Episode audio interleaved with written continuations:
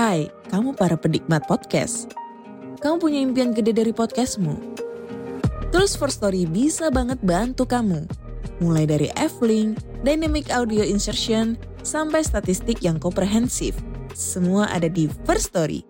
Gak ketinggalan kamu bisa monetisasi podcastmu lewat iklan dari First Story Ads yang bisa kasih kamu penghasilan dari setiap place podcastmu.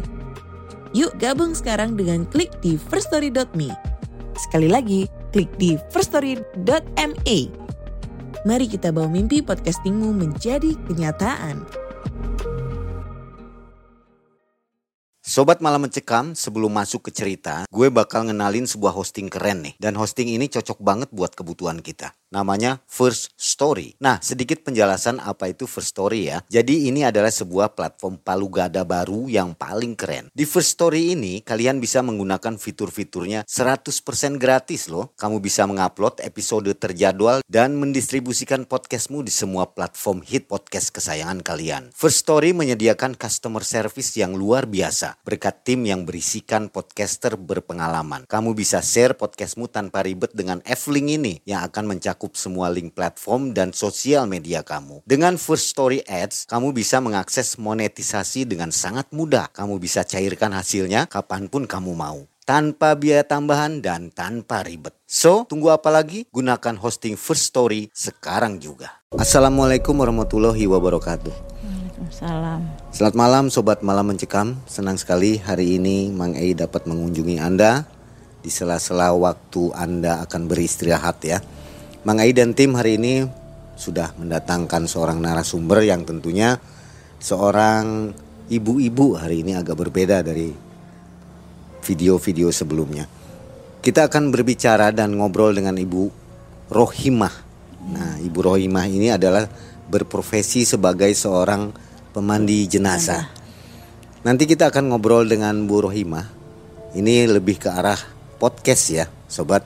Jadi Bu Rohimah akan ngobrol dengan kita, tanya jawab seputar dunia memandikan jenazah. Nah, sobat MM, mudah-mudahan semua dalam keadaan sehat walafiat dan selalu diberi kekuatan serta rezeki melimpah oleh Allah Subhanahu wa taala. Kita ke Ibu dulu ya, Bu Rohimah. Ibu apa kabar? Alhamdulillah baik. Sehat ya Ibu ya? Ibu sekarang usia berapa nih Ibu? 66. 66. Jadi profesi Ibu Mandiin mandi jenazah. jenazah. Nggak ada profesi lain Bu ya? Nggak ada. Katanya suami Ibu juga sama profesinya. Sama waktu itu, tapi sekarang kan ada Bapak Anang jadi ada Bapak Anang aja yang muda. Yang muda ya. iya.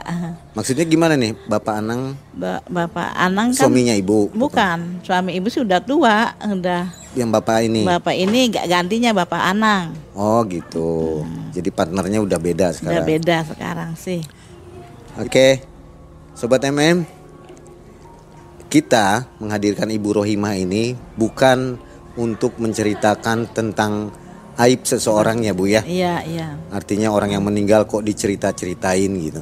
Ini adalah sebuah pesan untuk kita semua agar lebih baik lagi dalam menjalani hidup. Iya. Karena kematian itu pasti datangnya.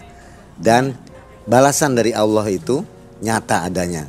Seperti yang Bu Rohimah saksikan ketika Iya. memandikan jenazah. Ibu sudah berapa tahun jadi pemandi 20 jenazah? tahun Pak yang ya sebelumnya 20 tahun juga udah, tapi nggak begitu kalau udah 20 tahun ke sini. Ya, Kurang lebih 20 tahun iya ya. iyalah. Selama menjadi pemandi jenazah itu banyak kejadian yang ganjil ya Bu ya? Ya ada Di luar nalar. Iya, ada. Boleh Ibu kisahkan ke penonton kita ya Bu ya? Ya.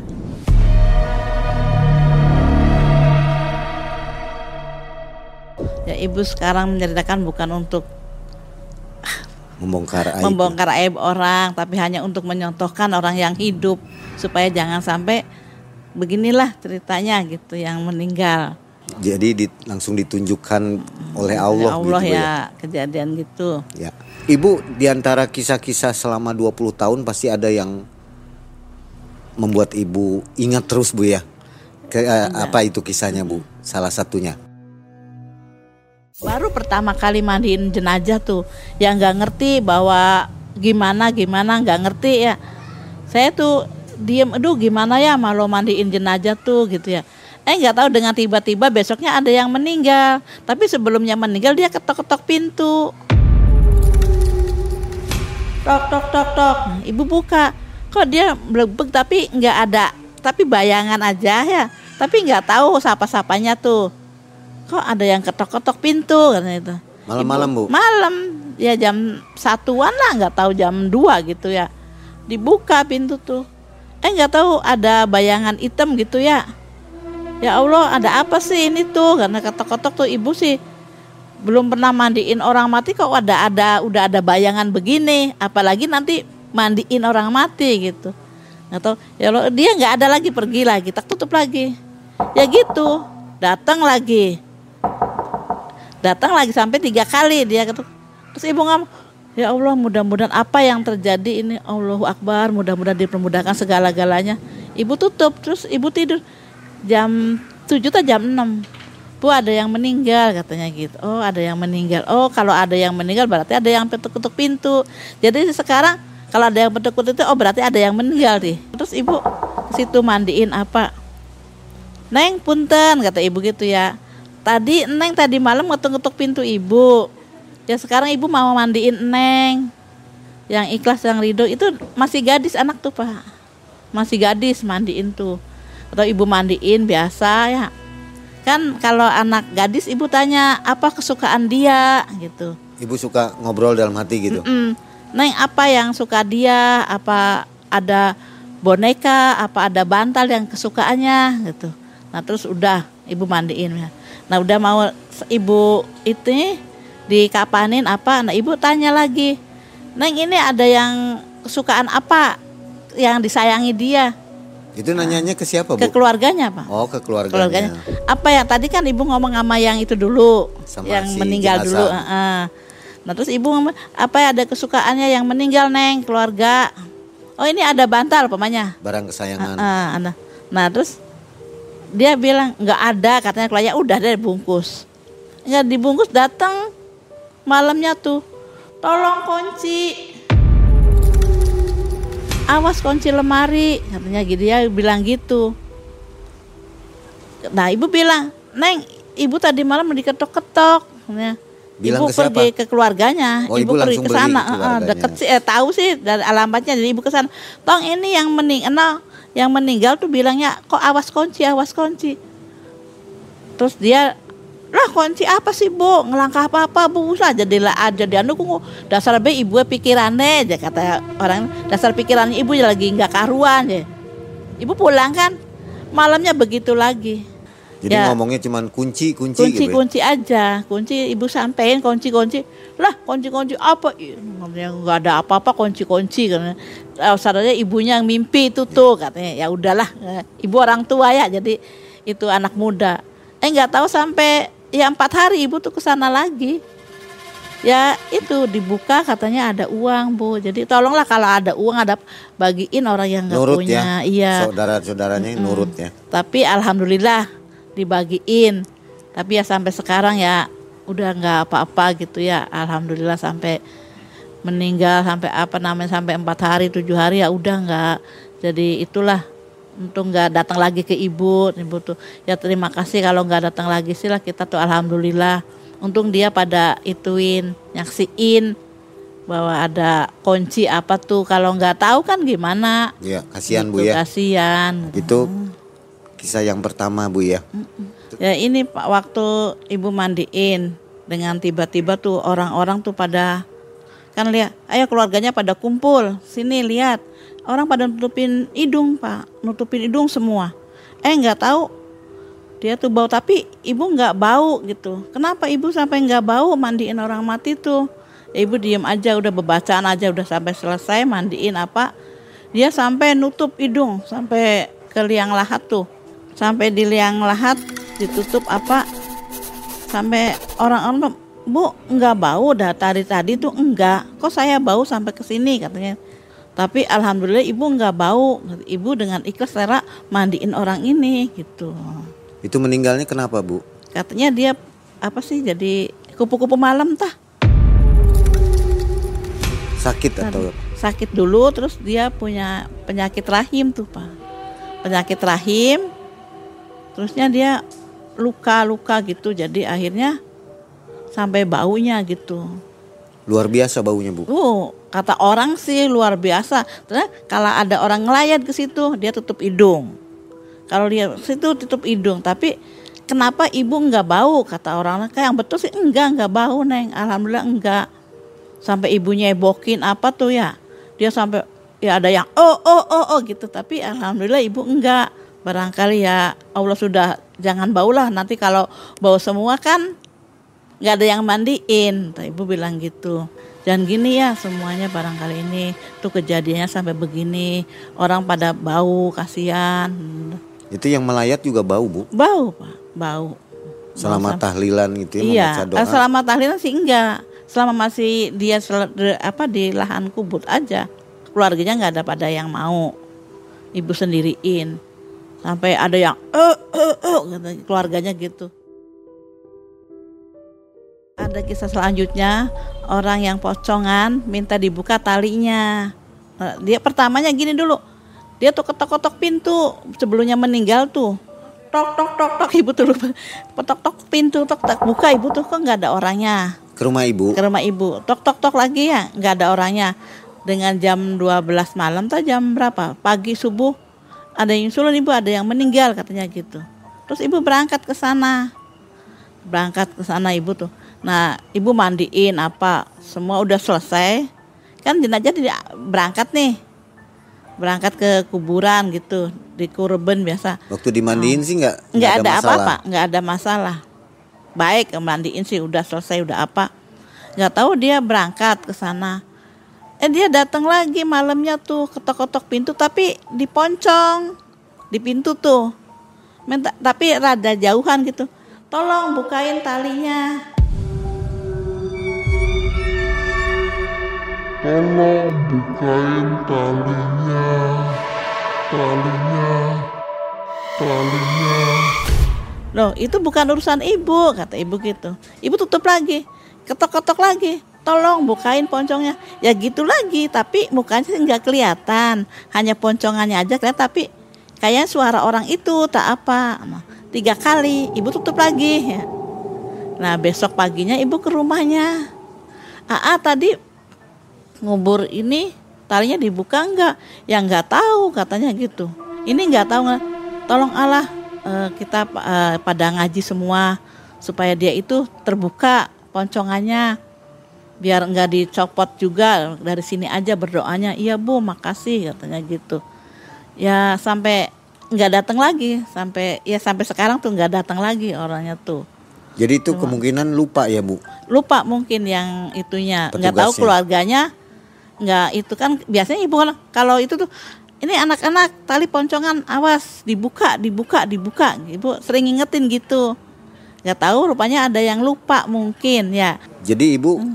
Selain memandikan jenazah itu sampai ke kuburan juga, Bu ya, ikut Ya, ngu- kalau- ikut nguburin gitu. Iya kalau pamannya ada yang deket gitu yang sahabat deket ya ibu ikut kalau enggak ya enggak ikut Oh gitu. Tergantung permintaan ya, Bu. Iya tergantung permintaan yang tuan rumah. Kalau itu ibu mandiin langsung pulang sih ya. Udah mandiin selesai. Udah ibu selesai pulang kan yang itu lebih laki-laki sama supir yang urusannya dengan keluarganya. Kalau ibu udah selesai pulang gitu. Waktu Nah. dia ngetok-ngetok begitu lu dibuka pintu itu pocong, Bu. Pocong Ibu tapi nggak kaget. tapi ibu ya ya Allah Gusti Pangeran ya Allah ini ada apa ya Allah ya Allah gitu aja ibunya ya kaget sih kaget tapi nyebut nama Allah aja udah pasrah ibu tuh eh nggak tahu itu kelihatannya tuh tapi nggak mukanya nggak kelihatan tapi poncongannya aja di atasnya Agak nunduk gitu mungkin, Bu. iya ya. nggak ya nggak tahu lah mukanya tapi kelihatan ini aja tuh. Talinya aja apa? Poncongan atas sama talinya. Bukain bukain. Tapi ibu apa yang dibuka? Gitu ya. Ah, ya Allah. Kedengeran ya suaranya? kedengeran ya jelas gitu. Sama ibu sih jelas. Ya sekitar jam satu atau jam 2 lah. Ya mau adan bangun-bangun tuh. Mulai adan awal. Ya, bangun-bangun gitu. Ya ibulah ya Allah mudah-mudahan supaya Allah ngampuni segala salahnya gitu aja udah gitu udah terus, nah. Sobat MM ini adalah kisah-kisah yang nyata. Artinya profesi dari Bu Rohima ini benar-benar mulia ya. Selain harus memandikan jenazah yang bermacam-macam aneka Bu ya. Ada baunya, ada yang berdarah dan juga didatangi dengan sosoknya. Dengan sosok-sosok goib Bu ya. Baik Sobat MM sebelum kita lanjutkan jadi hari ini berbeda dengan video-video sebelumnya. Ini adalah podcast ngobrol-ngobrol dengan Ibu Rohimah. Jadi tidak bercerita secara utuh ya. Karena Ya, kisah Ibu pendek-pendek ya. Ada lagi ada kisah nyata orang yang ketubruk pada hari Terawih itu anak perempuan gadis dari rumah minta pamitnya minta terawih nggak tahu dengan di jalan ketubruk anak tersebut tuh. Nah sekitar jam ke rumah saya sekitar jam 11 keluarganya datang minta dimandiin. Terus Jam saya ke sana. Yang datang ke keluarga. keluarganya datang rumah minta anaknya minta dimandiin. Kata saya kenapa?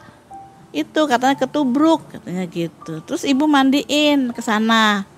Soalnya neng mau ma- ma- ibu mau mandiin sekarang barangkali pakai perhiasan. Oh nggak ada perhiasan nggak apa-apa katanya gitu nah dengan tiba-tiba ibu mandiin apa udah selesai ibu kan dikeramasin apa selesai nah dia tuh nongol dari atas tuh jadi nge- ngelihat wajahnya dia tuh tolong tolong katanya dia bari nangis tapi keluar darah Tolong. Tolong.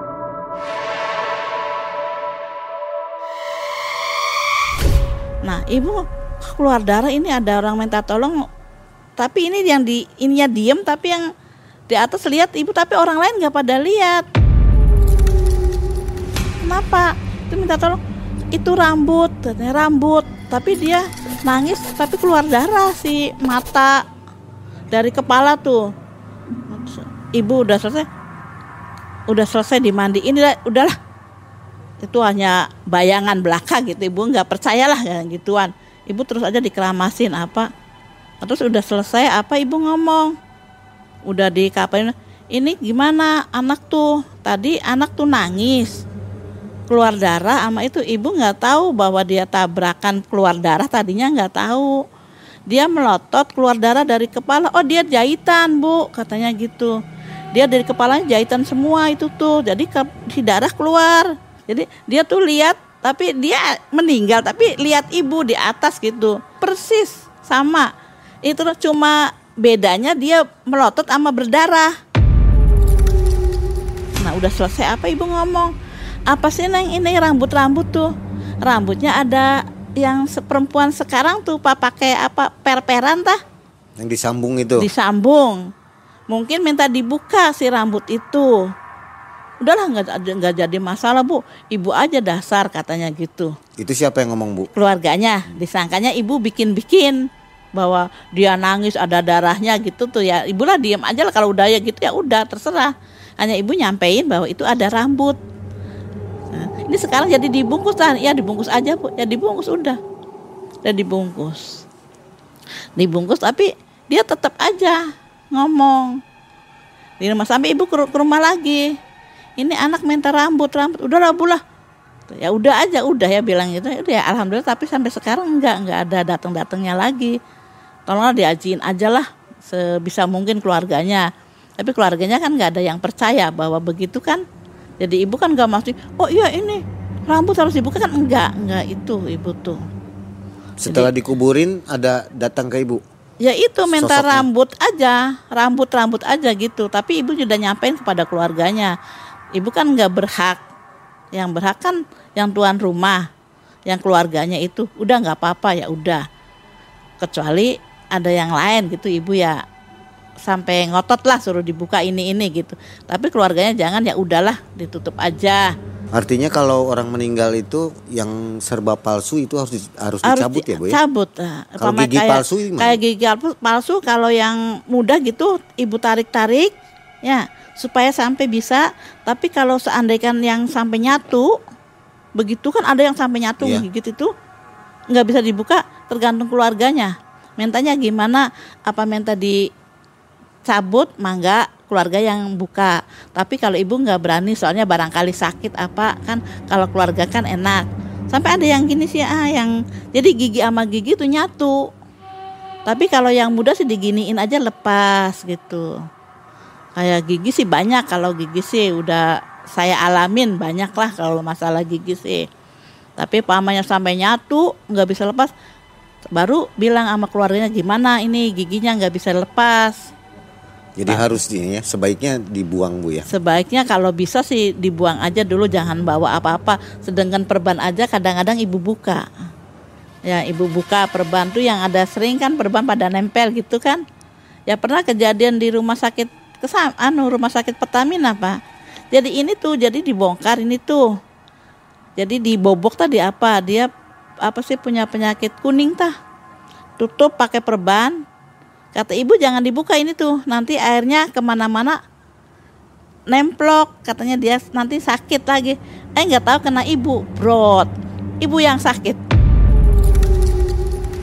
Muncrat. muncrat berapa harinya sebulannya ibu kena penyakit kuning. Tertular Bu ya. tertular air itu tuh. Ini sama- sama dengan itu apa rambut. Ada kisah nyata ini sih ya waktu ibu mandiin jenazah si orang ini orang sendirian nggak punya keluarga nggak punya anak nggak punya suami. Perawan dikatakan perawan tua lah jare wong Jawa sih. Terus dia itu dengan tiba-tiba manggil Bu RT Bu RT saya tuh kayaknya mau tidur mah nggak tidur. Sok nanti ditungguin sama Bu RT dia tidur dengan tiba-tiba lama-lama ngorok. Ngorok eh nggak tahu dia sebenarnya meninggal. Jadi Bu RT tuh rasa takut. Jadi manggil-manggil orang tetangganya ini ibu ini sa meninggal katanya gitu. Ngorok tapi meninggal. Iya, lama-lama tak ngorok-ngorok terus meninggal kan. Tadinya ngorok ngorok mau meninggal tuh, Oh, Pak. iya. Terus lama-lama meninggal. Jadi Bu RT sasa manggil tetangga. Terus dia manggil tetangga. Nah, saya di itu disusulin ini ada yang meninggal. Terus ibu mandiin gimana ini ada keluarganya nggak ada katanya. Tolonglah pakai perhiasan enggak dibuka itu sama Bu RT nggak ada perhiasan dari dulu nggak pakai perhiasan soalnya ini orang sendirian orang tukang jahit terus ibu mandiin tapi Bu RT mau ngebantuin nggak nggak nggak bantuin ya alhamdulillah saya sendiri ya mandiin apa atas dulu. Dari atas terus belakang ibu tuh. Udah belakang ibu baru bawah. Nah dari bawah itu ibu dengan tiba-tiba kaget sampai ngejerit. Aw kan gitu ya. Jadi si tempat rahim ibu mandiin. Eh nggak tahu pegang kepegang bangsa itu apa tuh kayak punya laki-laki tuh tapi kalau punya laki-laki kalau orangnya meninggal kan meninggal semua. Nggak bisa gerak. Kenapa itu gerak? Namanya tuh berdiri gitu. Sampai ibu pun ya Allah ini apa? Gitu. Tapi ibu sadar lagi ya Allah kenapa ini tuh? Ada apa? Gitu. Ibu lepasin. Ibu nggak sampai lihat. Soalnya ibu takut lihat tuh. Terus udah ibu mandiin aja. Udah nggak sampai ngomong ke ibu RT enggak cuma Bu RT tolonglah minta miringin. Dimiringin sama Bu RT bantuin. Ibu miringin ibu mandiin sampai ke pantat apa ya biasa yang supaya bersih gitu ya. Udah disiapin udah. Sampai diangkatnya ya ibu nggak cerita nggak apa udah. Nggak cerita. Udah itu tuh kata dianya ngomong ibu tolonglah titip. Titip apa? kata ibu tuh mau di itu tuh mau di, di, dipakai lawon tuh mau dikapanin tuh. Titip. Siapa yang ngomong Bu? yang itunya tuh yang meninggalnya tuh perasaan ibu tapi dia nggak ngucap nggak hanya keluar suaranya itu aja suaranya. Dengar suaranya titip titip apa? Titip punya saya katanya gitu. Udah aja ibu diem aja lah. Mungkin kedengaran ibu aja yang telinganya. Bu RT aja nggak pada ngomong apa-apa kata ibu gitu. Nggak tahu ibu tutup udah ya. Udah tutup udah apa? Kan ibu kan perempuan nggak ikut ke kuburan. Kali itu langsung pulang. Udah langsung pulang tuh. Kok ini pulang ibu kakinya sakit kata ibu gitu ya. Langsung ibu tuh pulang ke rumah naik beca itu tuh. Ya tuh ibu ke kaki tuh sakit. Kok kaki sakit kenapa? Kata ibu gitu ya. Sampai ibu tuh tidur di bawah tidur sakit.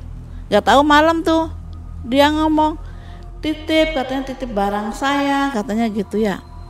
Nah ibu kan kok sampai seminggu sakit kan ibu dia diperiksa ke puskesmas diobatnya nggak ada apa-apa tapi akhir-akhir lama-lama ada orang yang ngerti. Ibu coba orang yang ngerti ini apa apa yang sakit di kaki tuh? Tapi orang mati tuh bilangnya titip-titip apa? gitu. Eh nggak tahu dia punya keris katanya. Mau dikasih sama ibu tapi ibu nggak mau. Bangsa begitu nggak mau. Ya kata itu udah aja dibuang aja bu. Nah, tapi dia nggak mau sampai dia tuh bilang malamnya tuh jangan dibuang itu punya saya titipin saya mau titip katanya gitu. Ya sampai ibu tuh bilang gimana ini tuh barang ini tuh?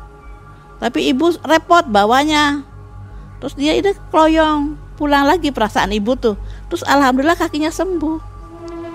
Sampai sekarang. Barangnya berupa apa bu? jadi nggak tahu ibu megang barangnya dia Di daerah ya, Kemaluan. di daerah kemaluan. tuh megang. Ibu Seperti apa astagfirullah, bentuknya bu? panjang. Tapi ibu nggak lihat jadi sampai mandiin ibu nggak sampai lihat. Nggak mau ibu lihat gitu. Soalnya barangkali apa-apa ibu nggak lihat takut ibunya tuh. Jadi hanya mandiin jadi mau nyebokin nyebok perempuan gitu. Pegang kepegang. Ibu kan jarang pakai tangan kiri. Kasihan Sebesar apa bu? jadi sebesar apa ya? Berapa senti gitu?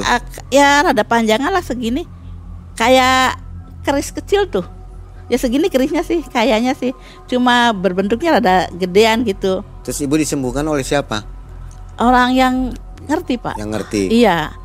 Orang yang ngerti. Katanya dia mau ikut ke ibu. Si barangnya itu si ya, barang Bu? itu. Dia soalnya perawan dia tuh jadi punya benda itu gitu pak. Eh tapi nggak bentuk nggak ngebentuk cuma hanya dibuang gini aja. Iya. Dibuang gini aja tuh nggak sampai dibentuk diambil gini tuh enggak hanya diginiin lempar gitu tuh. Nggak tahu ilmu apa. Ya, barang goib bu ya. Eh, eh, diginiin tabok lempar gitu. Ibu Allahu Akbar aja yang banyak ya. Ibu nurutin aja Allahu Akbar. Nanti saya ambil katanya gitu. Dilempar aja gitu. Ini ada satu lagi. Jadi anak ini dari itu tuh bandel sama ibunya tuh. Umur berapa bu? itu udah punya keluarga tapi nggak ada kasih sayang terhadap ibu gitu tuh.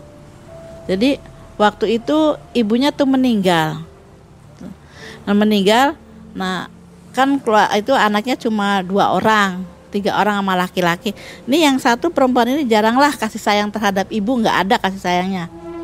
Dia tiba-tiba dengan hati yang tulus mungkin dia mau mandiin itu itu ibu udah mandiin udah. Udah mandiin udah mau selesai itu tuh. Eh dengan tiba-tiba dia sok keluar kan kalau ibu sok keluarganya mau mandiin tuh, nyiram nyiram aja tuh udah bersih. Nggak tahu dia datang dengan tiba-tiba tangannya plak. Ke anak itu tuh. Jadi kayak orang mukul tuh.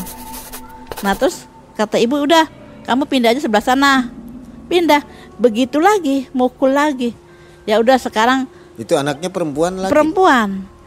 Anak perempuan itu yang pertama. Kan kalau ibu mandiin kalau udah selesai baru keluarganya ya mandiin. Apa dia nggak mau dipegang? Dia kan dia juga nggak mau nyebokin. Kan biasanya kalau anak sini bu saya nyebokin. Dia nggak mau. Dia tuh ya sampai meninggalnya dia tuh. Ya janganlah sampai begitu kepada orang tua. Sampai sekarang orang tuanya udah meninggal dia tuh kehidupannya begitu. Bagaimana kebetulan? ya ceritanya keadaan lah sering berantem sama sehari-hari ya. Untuk makan aja susah gitu. Dia ya cukup lah anak orang ya cukupan gitu ya Sebelumnya. nggak- dia meninggal tuh meninggal ibunya tuh. Dia cukup lah gitu. Eh dengan sekarang udah tua nyari sehari harinya susah. Jangan sampailah kita lupa sama orang tua tuh. Contohnya tuh begitu sampai Jadi orang tua mukul Durhaka gitu bu ya. Iya, iya. Jadi untuk Iya. contoh kita tuh Iya, yang untuk contoh, janganlah. Bu, ya. Sobat MM itulah pengalaman-pengalaman yang luar biasa dari Bu Rohimah sekitar 20 tahun menjadi profesi pemandi jenazah. Ini hanya sebagian kecil dari kisah Bu Rohimah. Tentunya masih banyak kisah yang lain ya Bu ya. Yang tapi mungkin Ibu Iya. harus mengingat-ingat kembali Iya, ya Bu. Iya. Ibu terima kasih kisahnya. Mudah-mudahan profesi ibu ini profesi yang jarang, jadi profesi yang sangat mulia bu ya. Kepada sobat MM, video hari ini adalah video yang uh, berbeda dengan video yang sebelumnya. Ini adalah podcast ngobrol-ngobrol Mang Ei dengan narasumber. Jadi kisah ini adalah untuk memberi gambaran, contoh kepada kita, contoh yang baik bahwa kematian itu ada dan pembalasan itu langsung nyata Langsung. juga ada ya Bu ya, yang Ibu Rohimah saksikan. Kejadian saya sendiri. Kejadian. Ibu boleh tanya nggak? Itu kalau orang yang uh, Ibu mandiin keluarganya suka ngasih uang nggak Bu? ya ada yang ngasih, ya ada yang ngasih gede, ada yang ngasih kecil, ada yang enggak ya enggak apa-apa. Ibu sih udah biasa begitu. Ah. Nggak ada tarif Bu ya? Enggak, enggak. Pokoknya al- kalau gede ya rezeki ibu, kalau kecil rezeki ibu, udah ibu nggak ngomong apa-apa, udah seitunya aja gitu lah terserah. Bu ya. Iya. Nggak dikasih nggak ngegerutu Bu ya? Enggak, ibu sering kalau enggak dikasih enggak. Tapi seandainya orang hidup ya, orang manusia masih itu. Kadang-kadang kalau ibu enggak punya sekali gitu, ibu ngomong, Neng, eh, tolonglah ibu mau minta untuk jajan aja. Soalnya ibu hari ini nggak punya uang. Pernah be- bilang begitu, Terpaksa Bu ya? terpaksa. Tapi kalau ibu ada uang sih enggak lah kasihan gitu. Udah aja sekasih berapa aja udah lah. Ibu tinggal di mana Bu? Di Cangkring, Di daerah Cangkring. Iya. Jadi wilayah Cangkring ini biasanya yang meninggal manggilnya ibu ya? ibu Ibu untuk memandikan jenazahnya. Iya. Kalau dimandikan di rumah ya Bu di ya? rumah. Kalau daerah lain di luar Cangkring itu suka dipanggil? Seumpamanya ibu sempat ada waktu mangga aja. Ibu sedia jam berapa aja biar tengah malam ibu digedok berangkat kalau paling waras sehat Oh sering Bu ya malam itu? malam sering. Iya ya jam 2 malam. Paling banyak Bu satu hari bisa berapa kali Eh mandi? kalau sekarang sih lagi nggak ada lah Pak udah lama ya ada sebulan sekarang nggak ada yang masuk yang meninggal alhamdulillah pada sembuh. Waktu 2000 berapa gitu tuh ya sering hampir tiap hari soalnya nggak ada lebih. sekarang sih ada anak sekolah sudah pada bisa. Waktu COVID itu gimana Bu? Waktu covid ya ibu ada tapi kebanyakan dari rumah, rumah sakit. sakit itu ya. Tapi ada yang satu dua di rumah. Tapi ya ibu mandiin biasa aja. Ibu tidak mempunyai bahwa dia itu penyakit itu enggak. Ibu ikhlas mandiin. Tapi alhamdulillah berkah ibu enggak. Enggak Ibu kena. nggak pakai APD enggak ya? Enggak, enggak. Enggak pakai pakai tarung tangan aja. Ini muka enggak. Ibu lillahi taala aja udah. Selamat, Kata Bu, ya. kada tangga itu dia komplit. Udah jangan banyak bicara. Mau mandiin mangga kalau enggak enggak apa-apa. Gitu aja. Tapi nggak menular ya kayak Ya alhamdulillah. Tapi jangan ada suara dari orang bilang covid covid jangan udahlah. Ya. Dia udah pada Allah yang nentukan. Betul. Gitu aja. Udah. Nah, sobat MM, kalau Anda domisilinya di kota Cirebon membutuhkan jasa dari Ibu Rohimah, silahkan hubungi Ibu Rohimah yang udah terkenal nih di, di Cangkring, Bu ya. Sobat MM, semoga kisah dari Ibu ini memberi tambahan info kepada kita semua, info yang sangat bermanfaat. Jangan lupa untuk selalu berbuat baik ketika hidup. Itu aja mungkin pesannya, Bu ya. Akhirnya Mang Ai dan tim undur diri. Assalamualaikum warahmatullahi wabarakatuh. Waalaikumsalam.